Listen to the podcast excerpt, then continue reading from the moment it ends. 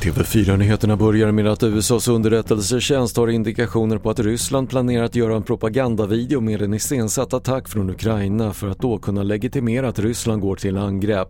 Försvarsminister Peter Hultqvist säger sig inte bli överraskad av uppgifterna. Man ska ha klart för sig att när det gäller den ryska sidan så är det ju till och med så att i, i, militära sammanhang så är ju vilseledning, det är ju en del i krigföringen. Det är ju en del i den militära utbildningen i vissa sammanhang. Så att den här, att den här typen av uppgifter kommer fram, det är ingenting jag förvånas över. Sverige valde rätt väg under pandemin, det säger en forskare från amerikanska Johns Hopkins-universitetet till DN. I en studie slår forskarna fast att nedstängningar av samhällen nästan inte hade någon effekt på dödligheten utan istället fick en katastrofal effekt på ekonomin.